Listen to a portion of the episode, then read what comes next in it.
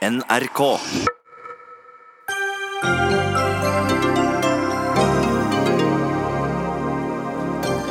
Forskeren bak innvandringsregnskapet får ikke forske mer i Statistisk sentralbyrå. Er det fordi ledelsen ikke liker tallene hans, eller fordi han ikke egentlig er en toppforsker? En halvliter øl i butikken koster i hvert fall 30 kroner, men den koster 2,50 å produsere, og bare en drøy tier er alkoholavgift. Så hvorfor drar vi nordmenn til utlandet og sier øl i Norge er så dyrt pga. avgiftene? Norge eksporterer tonnevis av sauekjøtt til Afghanistan. Ja, du hørte riktig. Norge dumper sau i et av verdens fattigste land. Og bedriften Cutters er i ferd med å snu opp ned på frisørbransjen fordi de ikke vasker håret ditt.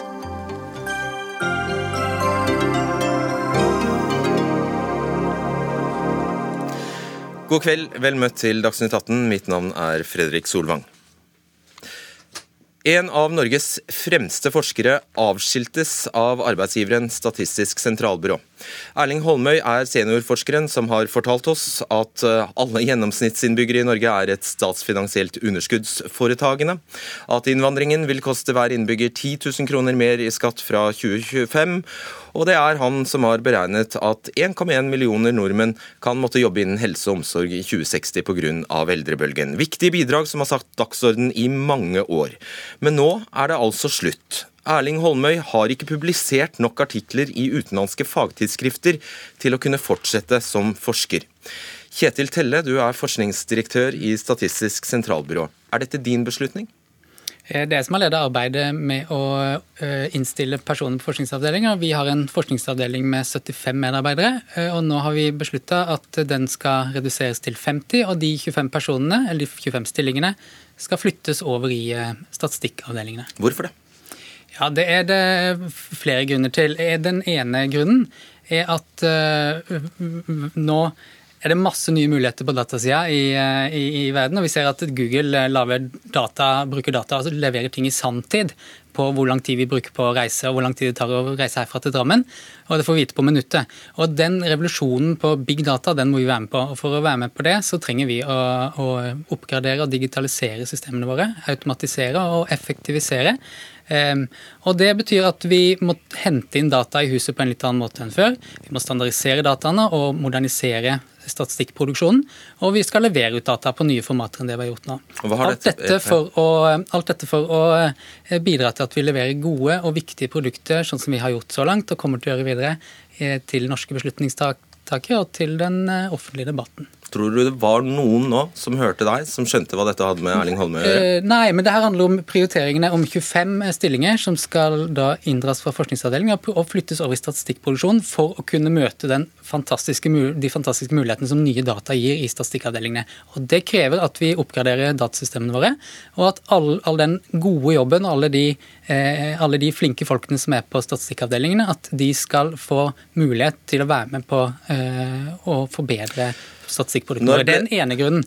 Ja. Den andre grunnen eh, det er at vi er opptatt av eh, at kvaliteten på det vi leverer av analyse og statistikk og forskning, at den er høy. Eh, og For å få høy kvalitet på den, så må vi utsette oss for, for motargumenter, de beste motargumentene i verden, og de finner vi i den internasjonale forskningen.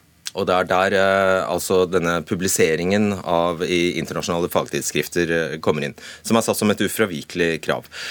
Ledergruppe, og det er de, de to som er verdt å nevne, eller? Vil du nevne det tredje kriteriet?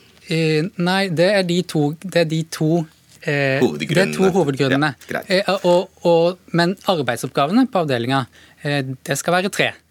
Eh, og Der er det eh, igjen å levere anvendte analyser til norske beslutningstakere for å bidra sånn som vi har gjort godt til en offentlig debatt ja, som, som bygger på godt. Har, ja, det er riktig. Ja. Og så er vi det eneste statistikkbyrået, iallfall et av veldig få statistikkbyråer i verden som har en forskningsavdeling. Mm, og Grunnen til at vi har den, og legitimiteten til den på sikt, vil være at, vi, at forskningen bidrar til å utvikle og forbedre statistikken vår. Så Det er en langsiktig begrunnelsen for at eh, det ligger den type eh, så mye forskning i forskningsavdelinga. Og De to elementene, for å forbedre leveransene til eh, offentlige myndigheter og beslutningstakere, og for å forbedre og utvikle statistikken, så må vi passe på kvalitetssikre de to tingene. og Det gjør vi ved å hente kunnskap hjem fra de internasjonale forskningsmiljøene. Det var altså tidlig i september at ledergruppa i SSB vedtok eh, å kutte antall medarbeidere i forskningsavdelingen i SSB til, fra om lag 75 som du sier, til om lag 50. En mann med som har satt så markant preg på samfunnsdebatten i så mange år som altså har vært forskningsleder i SSB, er altså ikke verdig å bli forsker. Forklar det enkelt. Det handler ingenting om verdighet å gjøre. Det handler heller ikke om, eh, om, å være forsker eller ei. Det handler om hva slags oppgaver, hvordan vi skal prioritere de i SSB. Vi trenger å flytte ressurser fra forskningsavdelinga til statistikkavdelingene. Jeg skjønner det, Men kan han forbli forsker, er det det du sier? Eh, nei, eh, arbeidsoppgavene vil avhenge av hva slags oppgaver som. Trengs i statistikkavdeling for de personene som flytter dit. Så hvis du ser bort fra ordet, ordbruken min 'verdig', så er det, det er sakens eh, realitet? At han ikke kan få være forsker lenger? Ja, enkeltpersoner vil jeg ikke uttale meg om, men realiteten er at eh, vi flytter ressurser fra, mm. fra forskningsavdeling til statistikkavdeling for å kunne levere gode produkter totalt sett eh, fra SSB framover. Erling Holmøy har ikke publisert på såkalt nivå 2 på en del år. Dette kravet om publisering har fått tilbakevirkende kraft. Hvorfor det? Eh, nei, vi har eh, som sagt tre hovedarbeidsoppgaver på forskningsavdelinga. Det har vi hatt i lang tid, i, så lenge jeg har vært der, og det er blitt noen år etter hvert. Så har det vært tre hovedarbeidsoppgaver. Det ene er å styrke statistikken. Det andre er å levere analyser til norske beslutningstakere og offentligheten. Og det tredje er å publisere internasjonale tidsskrifter. Det har vært en tredeling, har vært der veldig lenge. Eh, og den er stramma litt inn nå i den siste runden, hvor vi spisser avdelinga mot empirisk forskning okay, og meg, mot ja, La meg gjøre svaret, eh, spørsmålet enklere. da. Ja. Eh, de som nå får eh, æren av å jobbe i det som blir igjen av forskningsavdelingen i Statistisk sentralbyrå, må de publisere på nivå to? Er det et ufravikelig krav? For det første så er det viktig, SSBs kjerneproduksjon er statistikk. Og så er forskningsvirksomheten holder vi på med for å styrke statistikken. Og så spurte du om må de som nå skal jobbe på den kommende og nye forskningsavdelingen i SSB, må de publisere på nivå 2? Ja, som nevnt så er det sånn at vi må passe på at vi utsetter oss for de beste ja, mottakene for høy kvalitet. Og derfor så skal alle i den nye forskningsavdelinga publisere ja. på nivå 2 eh. Og da er det som jeg sier at Erling Holmøy, som vi snakker om her, han har ikke publisert på nivå 2 på noen år. Så da er det jo helt uhørt å gi dette kravet tilbakevirkende kraft, fordi det skal jo gjelde han. Ja, eh, nå er det sånn at Vi har over lang tid hatt det som et krav. Det er et generelt eh, Et ufravikelig krav? Eh, nei, ikke et ufravikelig krav. Det har generelt vært det er generell bevegelse i akademia og for kvalitetssikre. For noen år siden så kunne man kvalitetssikre på ulike måter. Og det er, ingen, det er ingen perfekt måte å kvalitetssikre på å delta i det internasjonale forskermiljøet. Men av de dårlige måtene som finnes, så er det den beste. Men når du gir det tilbakevirkende kraft, så legger du jo egentlig en felle for ham. Han har jo da ingen måte å endre noe på. Men det her handler om at det er 25 personer som, det er 25 stillinger som vi i ledelsen mener at vi må øh, legge et annet sted enn i forskningsavdelinga for å møte SSBs overordnede eh, ja, behov. Det har, vi jo, det har vi jo hørt noen ganger. Så forholder jeg deg med, til de direkte Altså de, det som er tilfellet for Holmøy. Ja, det som er bakgrunnen, Vi har hatt en prosess her over lang tid, som du sier. og det er noen, Vi har spesifisert hva slags arbeidsoppgave vi skal ha på forskningsavdelinga framover i den nye strategien. Eh, og, de, og, den strategien er da eh, på bakgrunn av den strategien så er det lagd noen kompetansekriterier som, som, skal sette avdelinga i stand til å løse sine framtidige oppgaver på en best mulig måte. Hvis de får vite om, ja. Et av de kravene er at man skal publisere internasjonalt. Det, det er skjønt, Men hvis, de, hvis medarbeiderne får vite om dette i september, og det gis tilbakevirkende kraft, da har, de ikke noen, da har de ikke hatt noen anledning til å få å, å, å, Hvordan skulle de ha fått publisert fra september til i dag? Nei, men det er jo sånn at vi nå skal ha den kompetansen som vi mener setter oss best i stand til å løse avdelingas framtidige oppgave. Eh, og, er, og, der er da det å publisere internasjonalt, hente hjem kunnskapen som produseres ute, for å lage enda bedre analyse og sette SSB i stand til å levere enda bedre produkter framover. Stemmer det at SSB har gitt Holme i oppdrag å utarbeide disse innvandringsregnskapene til Brochmann-utvalgene, pålagt dem å komme med tall uh, til, og analyser til perspektivmeldingen og til produktivitetskommisjonen?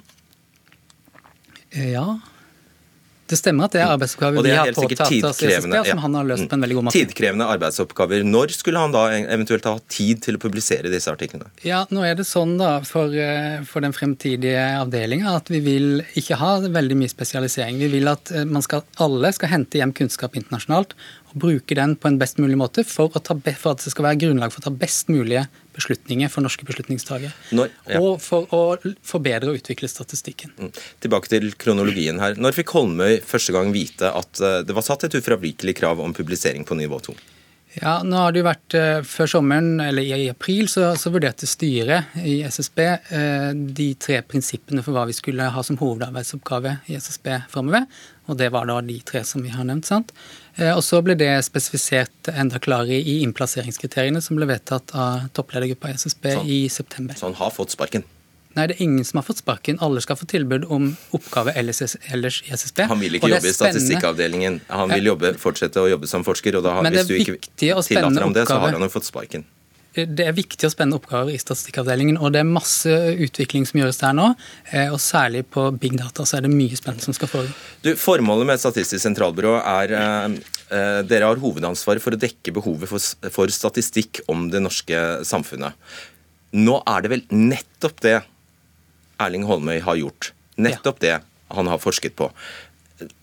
Når han egentlig bare har utført oppdraget, så er jo dette en helt uhørt, uh, uhørt reaksjon. Det er nå 25 personer som det gjelder, og, alle de har gjort en god jobb. Um, og, og, nå er det da en omprioritering hvor vi skal bruke mer ressurser i statistikken for å fortsette å kunne levere sentrale analyser til norske offentligheten.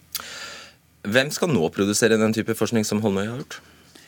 Ja, Nå er det ikke avklart eh, foreløpig hvordan, eh, hvordan, individuelt arbeidsoppgaven skal fordeles. Men vi har jo prosesser hver høst eh, hvor vi legger planer for neste år, og det inkluderer planer om hvem som skal gjøre hva. Og vi har jo mye analyse på, på mange felt. Eh, Bl.a. på innvandring så har vi flere, mange som holder på med det. Vi har mange statistikker, flere titalls statistikker mm. på innvandring og mange analyser. Det er interessant at du nevner, nevner, det. Kan du bekrefte at seksjon for innvandrerrelatert statistikk, eh, samt de som lager statistikk over norske klimagassutslipp, at disse flyttes til Kongsvinger og dermed mister eh, alle sine ansatte med solid erfaring?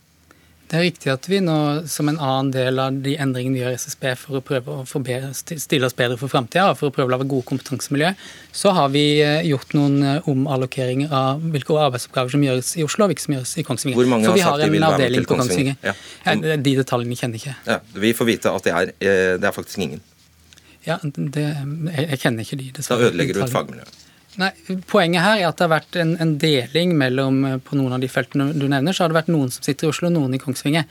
Og vi har ment, eh, vi mener, at det er bedre å lage eh, litt større miljøer, sånn at man ikke blir så sårbar for enkeltpersoner, eller, eller at, og at man kan gå litt inn og gjøre oppgaver for hverandre. Kan du bekrefte eller avkrefte dette sitatet eh, fra Holmøy om hans eh, innvandringsanalyser? Det er på det rene at deler av ledelsen er skeptiske og kritiske til mine analyser. Det inkluderer SSB-sjef Kristine Meyer. Bekrefte eller avkrefte det? Hva er det skal bekrefte eller avkrefte? Bekrefte at han har sagt at, del, det? At, at leden, nei, selvfølgelig ikke. Det vet jeg at han har. Bekrefte eller avkrefte at ledelsen er skeptiske og kritiske til hans analyser, inkludert eh, Kristine Meyer. Jeg kan ikke snakke for hva Kristine Meyer måtte mene eller føle her, men det som jeg er opptatt av, og det er mitt ansvar å, å kvalitetssikre de tingene som kommer fra forskningsavdelingen, det er at det er høy metodisk kvalitet på det vi leverer. Er du skeptisk til hans analyser? Eh, I utgangspunktet så er jeg forsker, så i utgangspunktet er jeg skeptisk til det meste. Eh, men det er jo akkurat det som er forskningens styrke, at vi er skeptiske, at vi er nysgjerrige, og at vi prøver å hente gode motargument for å bli bedre hele tida. Er du skeptisk fordi det dreier seg om innvandring og fordi funnene er kontroversielle? Nei, funnene, I forskning så er funnene irrelevante. Altså Hva vi finner, er ikke viktig. Det er måten vi går fram for å finne de, som er det vi du skjønner, spørs, du skjønner at spørsmålet blir stilt når SSB-sjef Kristine Meyer til Dagsavisen sier at den ene saken hun er villig til å gå i demonstrasjonstog for, er å sikre at vi fortsatt har innvandring til Norge? Ja, det skjønner jeg. Mm. Er det et problem?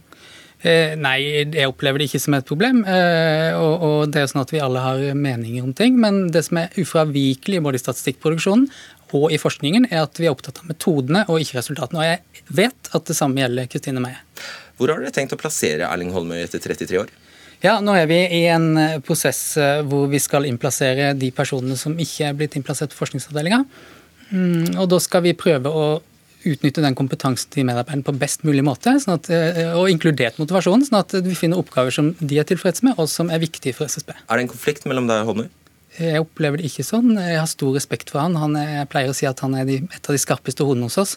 Eh, og det mener jeg fremdeles. Helt på tampen, akkurat nå pågår det et stort arbeid i Statistikklovutvalget som bl.a. skal vurdere om det fortsatt skal være en lovpålagt oppgave for SSB å drive med forskning. Da foregriper jo dere dette arbeidet med eh, dette utvalget, eh, arbeidet i utvalget når dere gjør denne omleggingen nå? Eh, nei, det her er en omprioritering i tråd med de styringssignalene vi har fått, og det vi mener er strategisk viktig for SSB. Hvem har dere fått de styringssignalene fra? Tildelingsbrev fra Finansdepartementet. Finansdepartementet vil at dere gjør dette? Vi har et tildelingsbrev fra Finansdepartementet hvor det, hvor det omtales mye denne digitaliseringen, moderniseringen av statistikkproduksjonen. Vil Finansdepartementet at dere legger ned så godt så, eller at dere barberer eh, forskningsavdelingen Nei, så mye? Det legger ikke, så vidt jeg vet, Finansdepartementet seg opp i, naturligvis. Deres rolle er å gi overordnede styringssignaler gjennom tildelingsbrevet. Der legger de vekt på at det er viktig viktig at vi tilpasser IT-systemene våre og produksjonen vår til eh, framtida. Takk skal du ha, Kjetil eh, Telle. Da går Kjetil Telle ut, og inn kommer den eh, etter hvert mye omtalte Erling Holmøy. Velkommen hit. Ja, Erling Holmøy, hva handler dette om etter ditt syn? Du er altså for, enn så lenge, eller foreløpig forsker i Statistisk sentralbyrå. Hva handler det om? Det handler jo om, eh, om, mange ting, egentlig. Men jeg vil holde meg til altså For du var jo inne på slutten her med at uh, det er mange endringer i SSB som, ikke, altså, som har noe med forskning direkte å gjøre. Men uh, når det gjelder forskning, som jeg kan holde meg til, så er det jo dels en bemanningskutt fra var det ca. 75 til, til 40.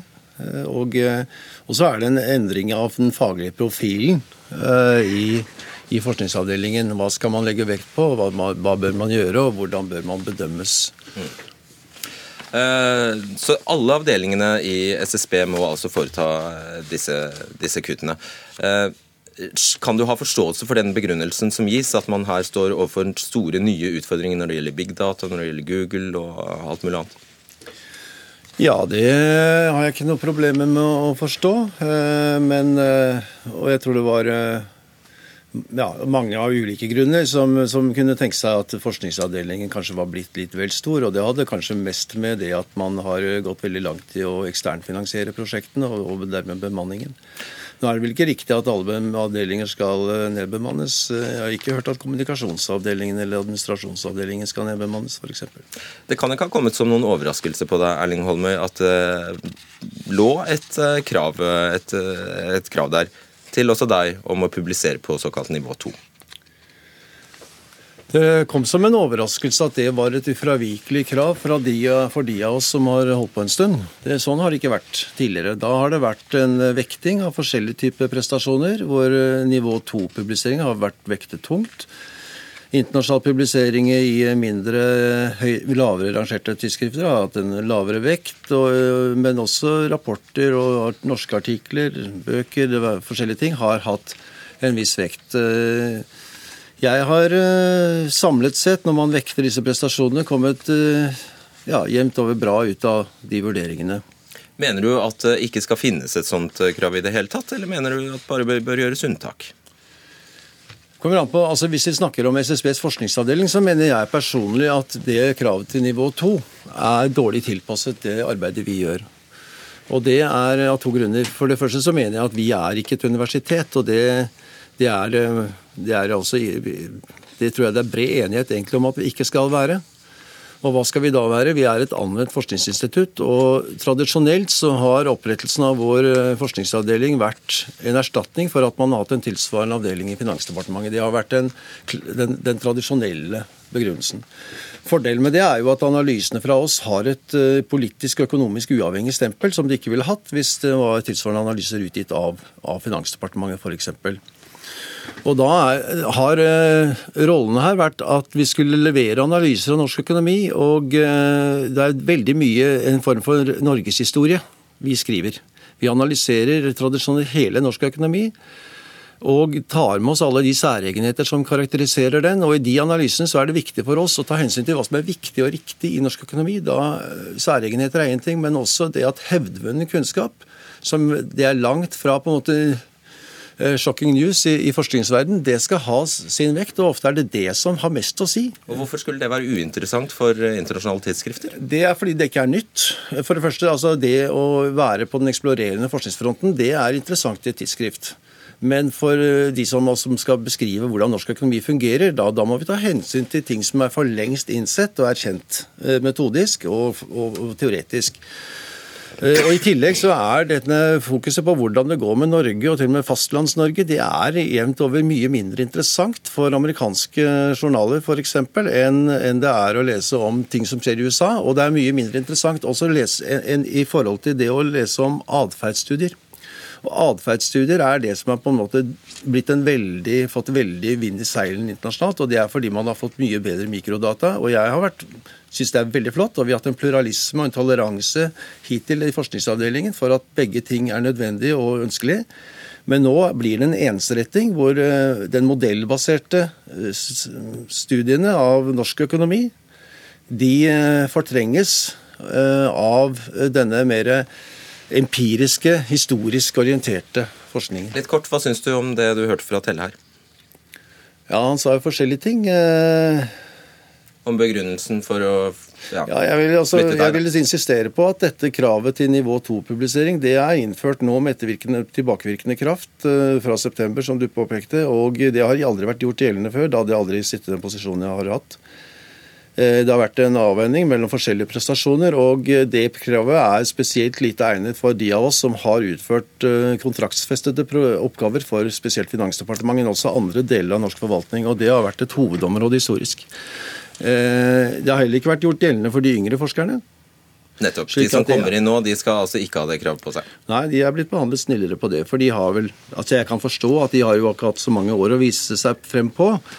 Og rukket å publisere så mye, men, eh, men det er jo en litt eh, for å karikere det litt, det er jo en, en sterk tro på at det er, er det mange usleppende diamanter, mens de altså på en måte har prestert langs de avtalte retningslinjene som byrået har fulgt og som ikke da har funnet det naturlig å prøve, å prøve det, på nivå 2-publisering, det, det, rammes uh, uforholdsmessig hardt her. Hva gjør du nå? Eh, ja, det Jeg tenker, og eh, jeg har fått masse støtteerklæringer som jeg svarer tusen takk til, og eh, mye henvendelser. Og eh, vel, jeg får tenke meg litt om. Jeg har vel tid til det, håper jeg. Det er lov å ønske lykke til. Takk for det. Erling Håndel. Dagsnytt 18 alle hverdager kl 18.00 på NRK P2 og NRK2.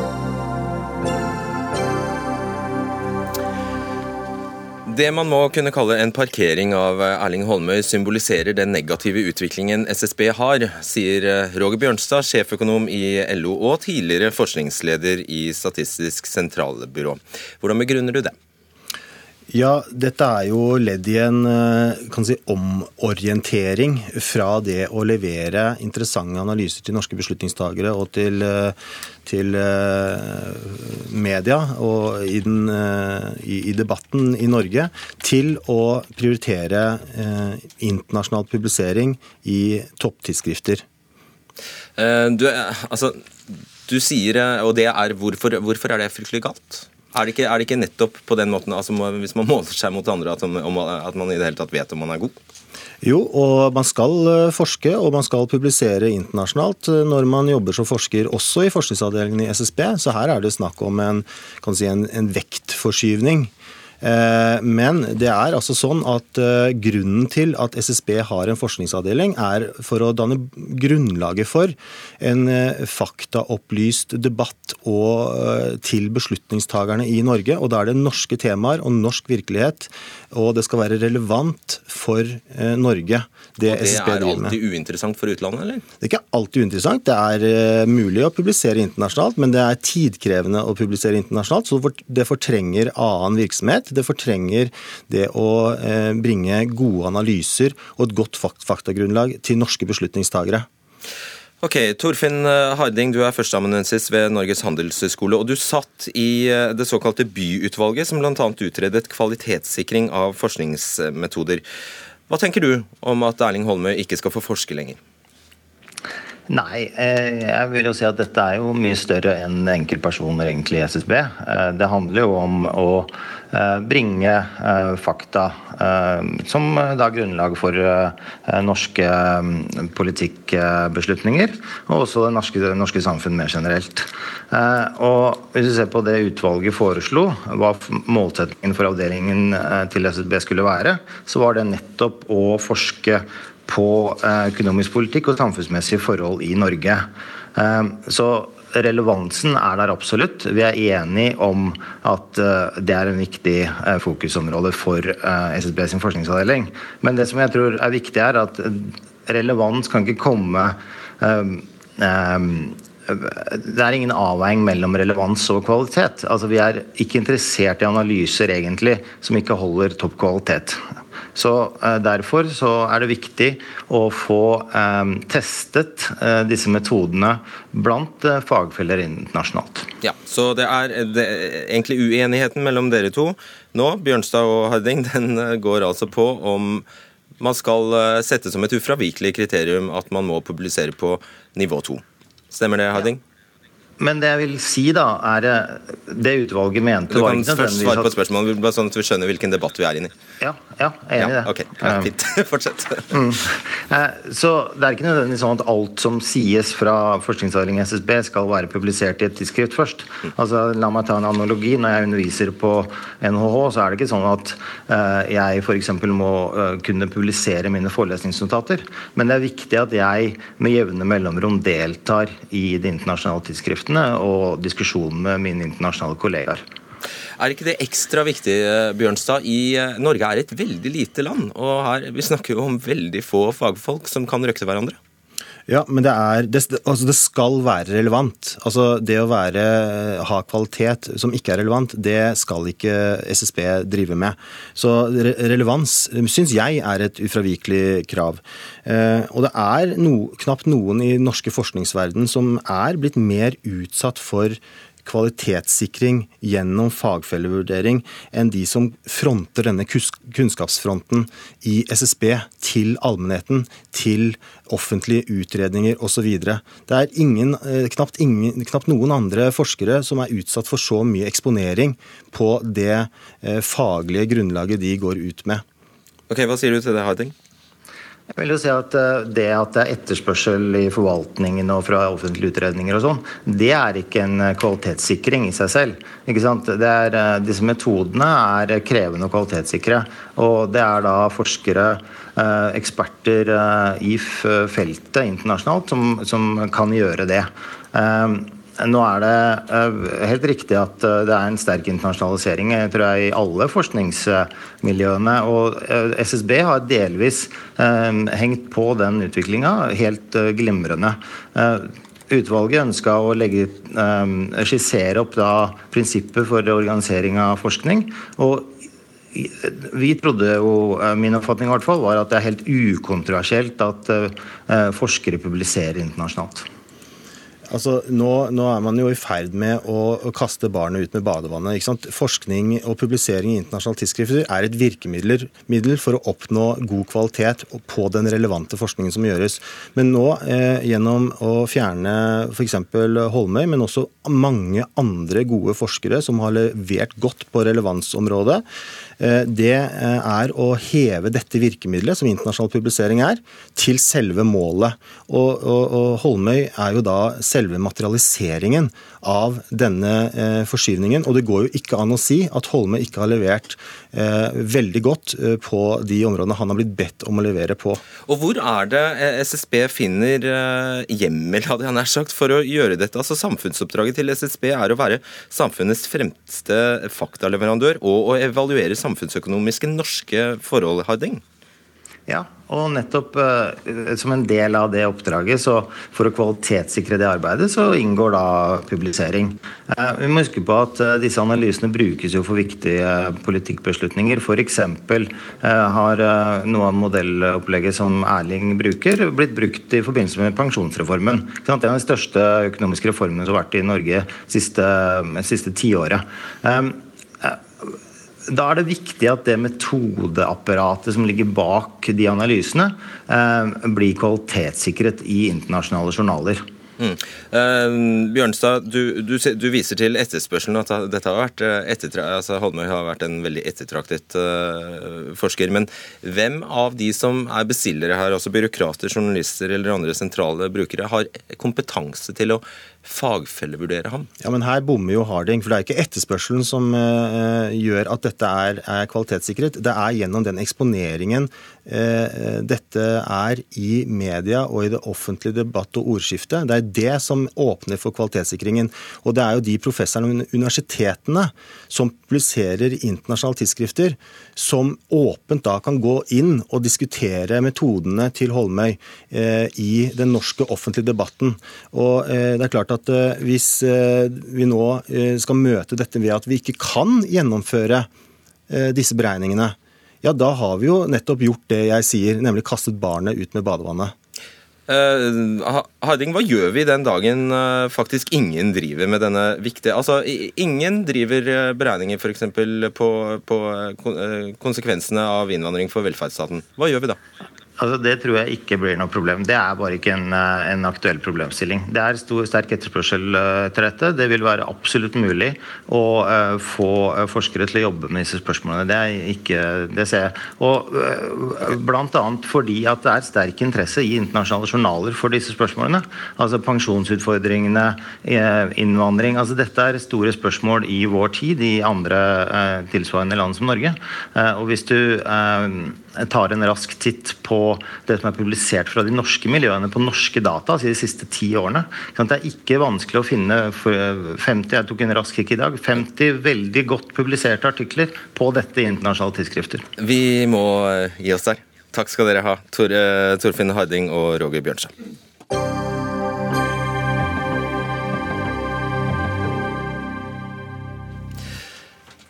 I går diskuterte vi priskrig på smågodt her i Dagsnytt 18, og som om ikke det er nok, eh, nå etterlyses en priskrig på øl.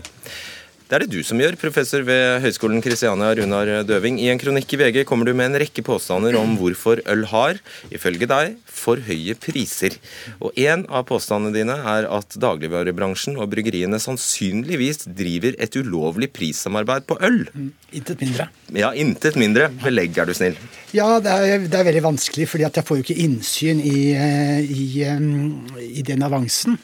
Men når eh, man ser på den prisen de har på egne merkevarer, altså eh, på pokal, seidel og på bare, så ligger de på, eh, på 20 kroner, mens de, andre ligger på, på mellom 26 og oppi 35 og, opp, og oppover. At, men det er jo ikke noe bevis for at de samarbeider om pris? Nei, men prisene altså, altså, de, altså prisen på, på, vann og mineralvann og øl de er, de er så høye. Og så, har, så, er det den varegruppen som har absolutt størst inntjening eh, i dagligvarehandelen. Og det betyr at det er veldig store marginer og veldig store avanse. Og når man da ser at prisene er stort sett de samme på, eh, i, i, de, i, de, forskjellige kjedene, så er det veldig sterk grunn til å tro at, eh, at de har interesse av å ikke sette prisene ned mistenkelig høye og mistenkelig like priser. Det er på en ja. måte eh, bevisførselen din. Mm. Og du er klar over at anklagen din straffes med altså Dersom de skulle blitt kjent, eh, kjent uh, skyldige i prissamarbeid, så er faktisk straffen bøter eller fengsel? Ja, selvfølgelig. Mm. Eh, selvfølgelig. Men det vil neppe kunne, kunne, bevises. Men Konkurransetilsynet kan gå inn og gjøre en skikkelig jobb for, også, for å få innsyn og sørge for at, uh, at prisene skal ned. Men altså, når vannet koster 40 kroner literen, så er det liksom sånn. Det, sier seg selv. Ok, ja. greit. Eh, på en måte så får vi rette litt eh, bakførs med deg, siden vi har ikke Konkurransetilsynet til stede. Vi har vært i kontakt eh, med både Norgesgruppen, Coop og Rema 1000, som ikke hadde anledning til å stille heller. Men vi har med oss deg, Ingvild Størksen, direktør for Virke dagligvare, som jo representerer Coop og Norgesgruppen og snakker for bransjen her. Altså ulovlig prissamarbeid mellom dere i dagligvarebransjen og bryggeriene. Det høres ikke bra ut. En anklage du uansett bør ta på alvor, vel? Det er en veldig alvorlig anklage, som heldigvis er fullstendig feil. Eh, Puh. Simpelthen. Eh, og når det gjelder disse påstandene som kommer her, så er det jo sånn at eh, Det er veldig mange påstander. Jeg er litt usikker på hvor, hva ende jeg skal starte i. Bare begynn med prissamarbeidet, så, tar vi, så tråkker vi oss videre. For det første så er det jo sånn at det faktisk er prisforskjeller på øl mellom butikkene. Konkurransen går på øl også, men i all hovedsak på utvalg. Det er også sånn at vi har et lovverk som rammer inn muligheten for opprising av øl. Eh, vi har en alkohollov eh, som sier at det er forbud mot omsetning eh, med rabatt, f.eks. Vi har et betydelig høyere avgiftsnivå enn det Døving legger til grunn i sin men er, kronikk. Ja, unnskyld at jeg bryter, men er det noe av det du har sagt til nå da, i hvert fall som hindrer prissamarbeid? Jeg kan ikke høre det. Det er ikke prissamarbeid på øl. Vi tar gjerne imot både Konkurransetilsynet og Forbrukerombudet og alle som måtte se på det.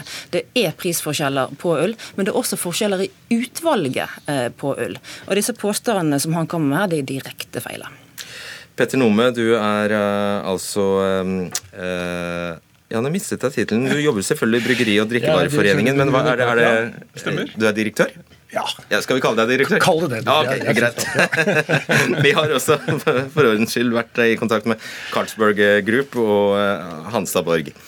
Eh, hva syns du om disse påstandene? Høres det like gresk ut for deg, og er det like usannsynlig for deg? Det er altså det rene skjære sludder. Eh, det er helt ufattelig at en professor i markedsføring sier sånt. Hvis vi hadde giddet, så hadde vi jo anlagt en jurysøksmål mot han, for han beskylder bransjen, ikke bare én, men to bransjer, for alvorlige lovbrudd.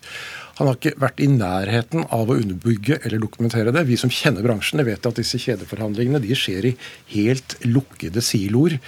Hvor byggeriene på min side prøver å selge ølet dyrest mulig, og kjedene vil betale minst mulig. Og man vet ingenting om hverandre. Når Døving viser til disse egne merkevarene som koster 20 kroner, det er riktig det.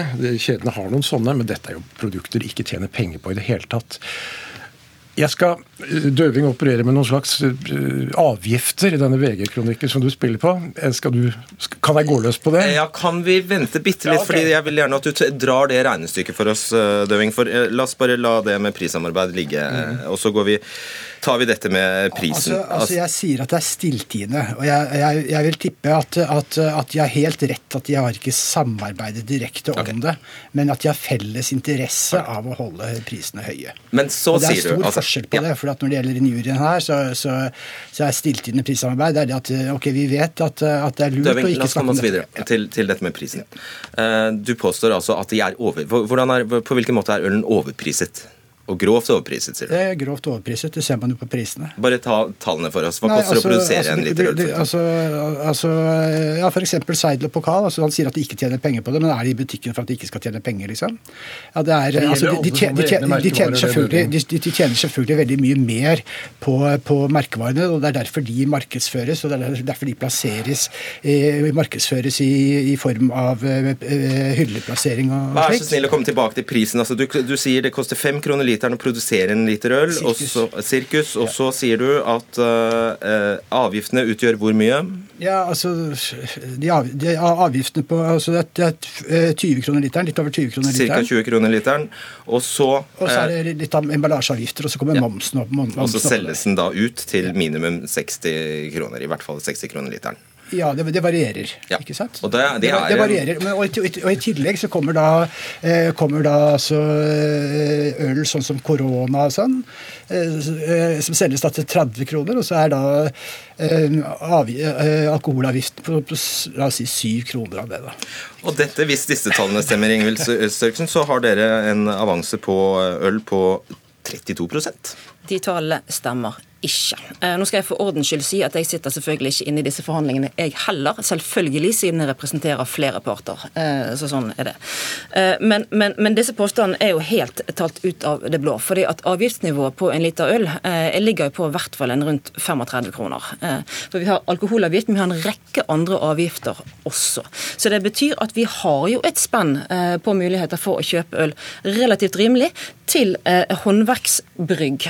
Høy kvalitet spesielt spesialvare som lages i mindre kvanta, og da følgelig selvfølgelig er dyrere å produsere. Så dagligvarekjedene har jo et utvalg som gjør det mulig å velge i den ene enden og den andre enden. Jeg tenker nok Petter kan bekrefte ganske klart at det det koster å produsere en, en enkel eh, pilsner, og det det koster å produsere et mer spennende eh, spesialprodukt, er to vidt forskjellige ting. Okay, nå må snakke om hvor mye det koster å produsere en øl. Det blir som å snakke om hvor mye det koster å produsere en bil. Altså Det er forskjell på en Ola-bil og en Rolls-Royce. For håndverk... Jeg snakker, Døving. For håndverksbryggeriene da snakker vi om mange, mange ganger den prisen det, det, det, koster å produsere en standard pils. Men la oss holde oss til standard pilsen. Hvis en halvliter koster 26 kroner i butikken, og det er ikke så uvanlig, så er 18,5 kroner avgifter til staten. Det er alkoholavgift, det er emballasjeavgift og det er moms. Det betyr at det er 7,5 kroner igjen. Det skal fordeles på råvarer, på lønn til eh, bryggeriarbeiderne, til drift av bryggeriet, til transport, til drift av butikken, lønninger i butikken. Eh, Hvordan kan dere være så uenige om eh, kostnadene ved innsatsfaktorene her? Jeg forholder meg til realitetene. Døving har et slags fantasibilde av dette. Altså, moms er jo da, er, varierer jo ut fra, ut fra, den prisen som er satt. Da. Men det er klart at det er kjempeforskjeller på håndverksøl. Det, det, er ikke noe, det, er ikke noe, det er ikke noe tvil om det. Så det er klart at det, det, altså, det koster mer å produsere. Men jeg har et forslag. Jeg har et forslag.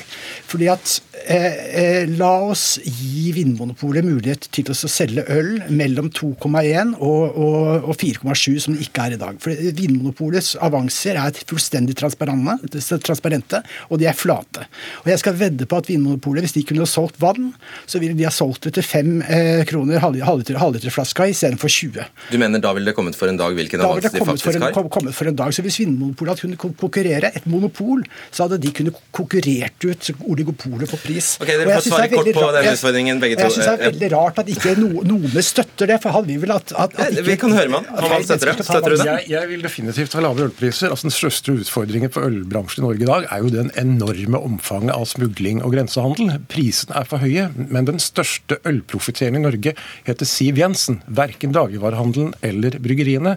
Staten tar mellom to tredjedeler og tre fjerdedeler av den prisen du betaler i butikken. Okay, Størksen, dette eksperimentet med Vinmonopolet, det er det vel for? Eh, jeg tenker at det får politikerne og Vinmonopolet bestemme sjøl. Det har jeg strengt tatt ingenting med. Eh, men, men, jeg har også lyst til å si at det er jo grunner til at muligheten for å markedsføre seg på billig øl er såpass tydelig rammet inn i Norge som det er. Det er jo nettopp av folkehelsehensyn.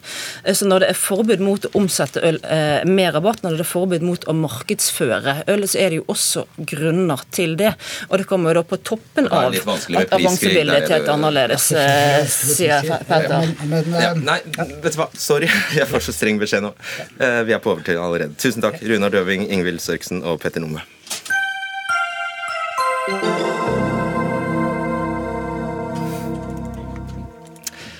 For det bygges stadig nye sauefjøs her i landet, og vi produserer så mye at lagrene hoper seg opp, selv midt i fårikålsesongen. Overproduksjonen fører nå til at vi må eksportere tonnevis av kjøtt, og en god del av det går f.eks. til de minst utviklede landene i verden, som Afghanistan. I tillegg taper bøndene penger fordi markedsprisen på sauekjøttet går ned. Ja, forstå det den som kan. Kanskje du kan hjelpe oss litt? Eh, Kjell Raknes, direktør for næringspolitikk og handel i Nortura. Det er altså Nortura som er satt til å regulere markedet for sauekjøtt her til lands, sånn at det er, eh, sånn at det er balanse mellom etterspørsel og tilbud. Hvordan har dere da greid dette her? Vi regulerer jo på bakgrunn av, av uh, produksjonen i markedet. Uh, vi har hatt en, en, overproduksjon av uh, sau og lammekjøtt i de siste årene, som da har resultert i et kraftig prisfall i det norske markedet. Men dere er satt til å sette den såkalte Angro-prisen, som nettopp skal styre etterspørselen? Eh, eller produksjon. Litt avhengig av hvordan du ser det. Og Nå har jo da prisene blitt på et slikt eh, lavt nivå i det norske markedet at de er attraktive også for eksportmarkedet. Og Derfor har man da fått eksport som et resultat. Og du syns det er topp? Jeg syns det er viktig at vi greier å regulere lageret eh, av produksjon av uh, saue- og lammekjøtt i, i, det norske markedet. Eh, og vi har gjort den jobben vi skal gjøre i forhold til nettopp å selge det lageret vi har. Er det bra at vi sender sauekjøtt til en billig penge til Afghanistan? Eh, jeg ser at det har reist en del spørsmål, og det er klart at det er vi nødt til å ta eh, inn over oss. Men Nei, Svaret på spørsmålet mitt er ikke 'jeg ser det blir stilt en, rekke, en del spørsmål'. Det er jo et kjempeenkelt spørsmål. Syns du det er greit? Syns Nortura det er greit? Eh, så lenge den eksporten skjer innenfor de reglene som, som gjelder, så er, det, så er det greit. Men jeg ser at det er en problemstilling knytta til eh, lokal produksjon og de lokale bøndene som vi er nødt til å ta inn over oss. Men det er nødt til å ha, viktig å ha perspektiven i denne debatten. Det er snakk om 120 tonn her, som da er eksportert til Afghanistan, som konkrete eksempelet. Av et, Hvor mye lager, er det da? Ja, Det lager som vi gikk inn i år på, var 3500 tonn. Ja, så det er under, langt under 4 da. Hvor har, de, hvor har resten havnet? Eh, det har havnet i det norske markedet, og det har havnet i Storbritannia og i det europeiske markedet. har havnet. Samlet sett så er det eksportert 400 tonn eh, sau og lammekjøtt. Til andre fattige land, da, eller? Nei da, det er, eh, det er, eh, Afghanistan som er det. Bare Afghanistan? Også, det er bare Afghanistan som får nyte norsk eh, sauekjøtt? eksporten er 400 tonn. 260 tonn har gått til Storbritannia. 120 har gått til Afghanistan, og så er det litt sånn ulikt i det europeiske markedet. Mm. Er det som det skal være, Jone Georg Dale, landbruks- og matminister fra Fremskrittspartiet, at vi eksporterer sauekjøtt til Afghanistan? Nei. Eh, og spesielt ikke fordi dette er ikke eksportert til markedsmessig pris. Det er altså avgifter som er brukt til å skrive ned prisen før en eksporterer varer, som gjør at varer blir eksportert til den prisen og oppleves konkurransedyktig. Gjenta det er du snill. For det betyr at de, de varene som er leie på lager siden 2015, har et avgiftssystem ved seg som en bruker til å skrive ned verdien på varer før en eksporterer det. Det gjør jo at det ikke til markedsmessige vilkår denne eksporten foregår. Hadde det vært det, hadde dette vært kommersiell eksport uten å foreta denne manøveren, så eh, hadde det vært forsvarbart at en gjør dette til en rekke europeiske land og andre vestlige land. Men at norske bønder, at norske bondeeide samvirker, bruker, som alltid sier at tollvern er viktig for egen beskyttelse, bruker en komplisert situasjon i et marked i et kortsiktig bilde til å flytte overskuddet over i andre markeder til land som ikke har den samme beskyttelsen, det er ikke greit. Så vi dumper sauekjøtt i Afghanistan, er det det du sier? Vi selger det iallfall svært billig, og vi selger det uten at det skjer med utgangspunkt i hva den norske bonden hadde fått. Når vi selger kjøtt på verdensmarkedet med dette på til 1990 per kilo, så er det grunn til å spørre om hvorfor ikke dette er solgt i det norske markedet i stedet. Lars Petter Bartnes, leder i Norges Bondelag, syns du det er greit? Du, Den eh, eksportsituasjonen som har oppstått her, det er jo et resultat av overproduksjon i det norske markedet. Det er et betydelig prisfall. Jeg kaller det et priskrakk. Norske sauebønder har ikke opplevd tilsvarende noen gang før i, i, i nominell nedgang på pris. Eh, og eh, det er faktisk sånn at når statsråden forklarer bør forklare den uheldige eksporten her med at det er brukt avgifter for å finansiere prisnedgang, så er det realiteten er jo at den norske forbrukeren har nytt akkurat like godt av den subsidieringa på det avgiften sin som eh, forbrukere i Afghanistan. Men syns du det er greit at vi eksporterer sau til Afghanistan? Og det, og, det, og det er en del av virkemiddelbruken som Omsetningsrådet i, i landbruket har å, å bruke for også eh, bl.a. Eh, få frosset kjøtt som har ligget på reguleringslager, mer attraktivt i markedet. Bare svar på spørsmålet, er du snill. Syns du det er greit at vi eksporterer et av verdens rikeste land, eksporterer sauekjøtt til et av verdens fattigste land, Afghanistan? Jeg mener at eh, situasjonen er en beklagelig situasjon, med utgangspunkt i at eh, norske bønder har mista betydelige inntektsmuligheter, og at de har blitt pressa til å drive den type eksport. Men du legger altså skylda på han? Men programleder din Ja, bare ja, altså, få Bartnes til å norske, norske bønder, legge skylda på det. altså, norske bønder har bidratt sterkt i å prøve å selge det norske lammekjøttet i det norske markedet. Bønder har stått opp på, på demonstrasjoner og demonstrert kjøttet foran butikker. Man har akseptert en prisnedgang. Og det er også sånn at produktutviklinga har vært betydelig det siste året i forhold til å gjøre det kjøttet mer attraktivt. Så jobbinga i verdikjeden og blant bøndene har vært stor i forhold til å få få kjøttet ut i det norske markedet. Og da er det jo sånn, eh, Dale, at Bare i år er det via Innovasjon Norge gitt 36 millioner kroner i investeringsstøtte til 76 nye sauefjøs. Det henger jo virkelig ikke på greip når det er så store overskudd. Punkt 1. Eh, Lars Petter Bartnes har rett i at bøndene har gjort en eh, jobb de siste par åra. Det skal de ha ære for. Punkt 2. Det er sjelden jeg blir opprørt over hva Bondelaget eh, prøver å predikere. Men altså, det er ikke greit å selge til sterkt subsidiert pris ved hjelp av et avgiftssystem, pris til blant verdens fattigste land, og forstyrre deres handelsbalanse, mens en sjøl hevder i enhver sak at vi må sikre vårt eget tollvern. Det henger ikke opp, den dobbeltmoral som jeg sjelden opplever fra bondeorganisasjonene. Og det er ganske opprørende når det er dere som har vært med og gjort disse vedtakene. Så er det rett at det har vært stimulert til norsk lammekjøttproduksjon. I 2017 er det hittil gitt investeringsstøtte til ett sauefjøs med 90 sauer som ikke allerede driver. Med andre ord som ikke er gått til fornying av driftsapparatet. Så det er en helt konstruert debatt som overhodet ikke legitimerer at vi som et land med høye tollbeskyttelser bruker våre mekanismer for å regulere vår egen produksjon til å selge til sterkt subsidierte priser okay. til afghanere. Hvor er, eh, Hvis vi er enige om at du kaller det beklagelig, da? Jeg sa det var en uheldig situasjon. Ja, jeg tror og, du faktisk sa beklagelig. Og, og, som, hvis, vi mener det, hvis vi mener det, hvor, hvor er bøndenes eget ansvar for å holde opp med det, rett og slett? Altså, Bøndene blir, eh, er stimulert gjennom økonomi i utgangspunktet til å øke produksjonen i Norge. Det er bra. Vi er for at bonden blir stimulert til å produsere for det norske markedet. Realiteten er at fra 2014 og fram til, til, og med nå, i 2017, så er det en overproduksjon i det norske markedet av betydelig karakter. Ja, og hva, Hvor er bøndenes ansvar for å, for å, da dempe produksjonen? Og, og Bønder ønsker også å utvikle gårdsbrukene sine. Når Dale peker på at det er, hvis det er riktig, at det er ett sauefjøs som har fått etableringstilskudd for ny produksjon, så er realiteten at den produksjonen den kommer til å komme i funksjon ikke nå i sesongen høsten 2017, men i 18, 19 og 20. Og Det er jo investeringsstøtten i 2015 og 2016 som fører til at vi har den produksjonsøkningen. Så du mener egentlig det er gitt for mye investeringsstøtte? da? Det er gitt for mye gass. og Statsråden har neglisert råd fra Innovasjon Norge i forhold til å okay. redusere bruken av investeringsstøtte i næring som er i overproduksjon. Ok, eh, Raknes, eh, Det er altså gjennom selskapet Noridan Foods AS at dette, denne eksporten og dette salget til fattige land eh, foregår. Hva har dere tenkt som hovedaksjonær å gjøre? Altså det, det helt, jeg ser dilemmaene som, som, som, det pekes eh, på her. Men, men vi som Jo, men eh, hallo. Ja. Eh, det må være mulig å sette denne eksporten i et perspektiv. Det var 3500 tonn for mye lammekjøtt på lager ved inngangen av året i år. Samlet er det eksportert 400 tonn.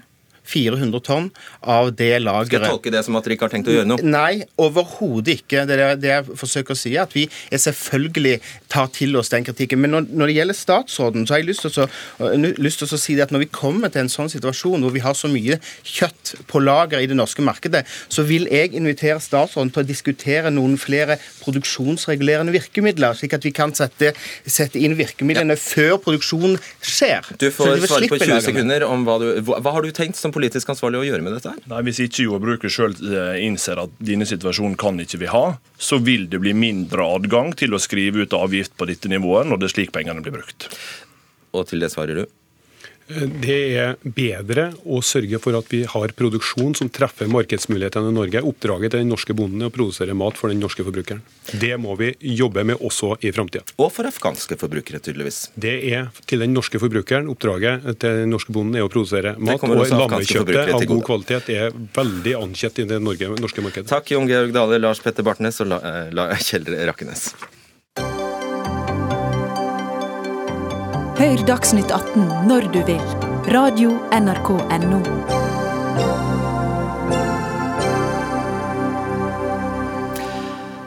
Hurtigfrisørkjeden Cutters tilbyr kjapp klipping uten hårvask, hodemassasje eller styling. Og dermed har de hilset på seg store deler av frisørbransjen. Anne Mari Halsand, du er direktør i Norske frisør- og velværbedrifter, og mener de altså Cutters bygger ned frisørfaget ved ikke å vaske håret på kundene. Mener du det? Mm. Ja, altså det jeg mener er at å, eh, å bygge ned et eh, håndverksfag på denne måten, det å eh, bare ta en deler av et fag og tilby, hvor, der hvor pris faktisk er det eneste løftet, kundeløftet man eh, leverer på, eh, det er med på å bygge både, ned både yrkesstoltheten til eh, de øvrige øvrige frisørene. Det er med på å å bygge ned en forståelse og en anerkjennelse av den kompetansen som ligger i faget. Og det er med på å bygge ned profesjonaliteten totalt sett i bransjen.